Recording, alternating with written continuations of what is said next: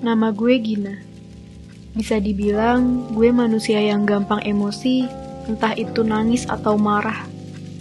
Hobi gue makan, tidur, kalau enggak ya ngomong sendiri di depan kaca.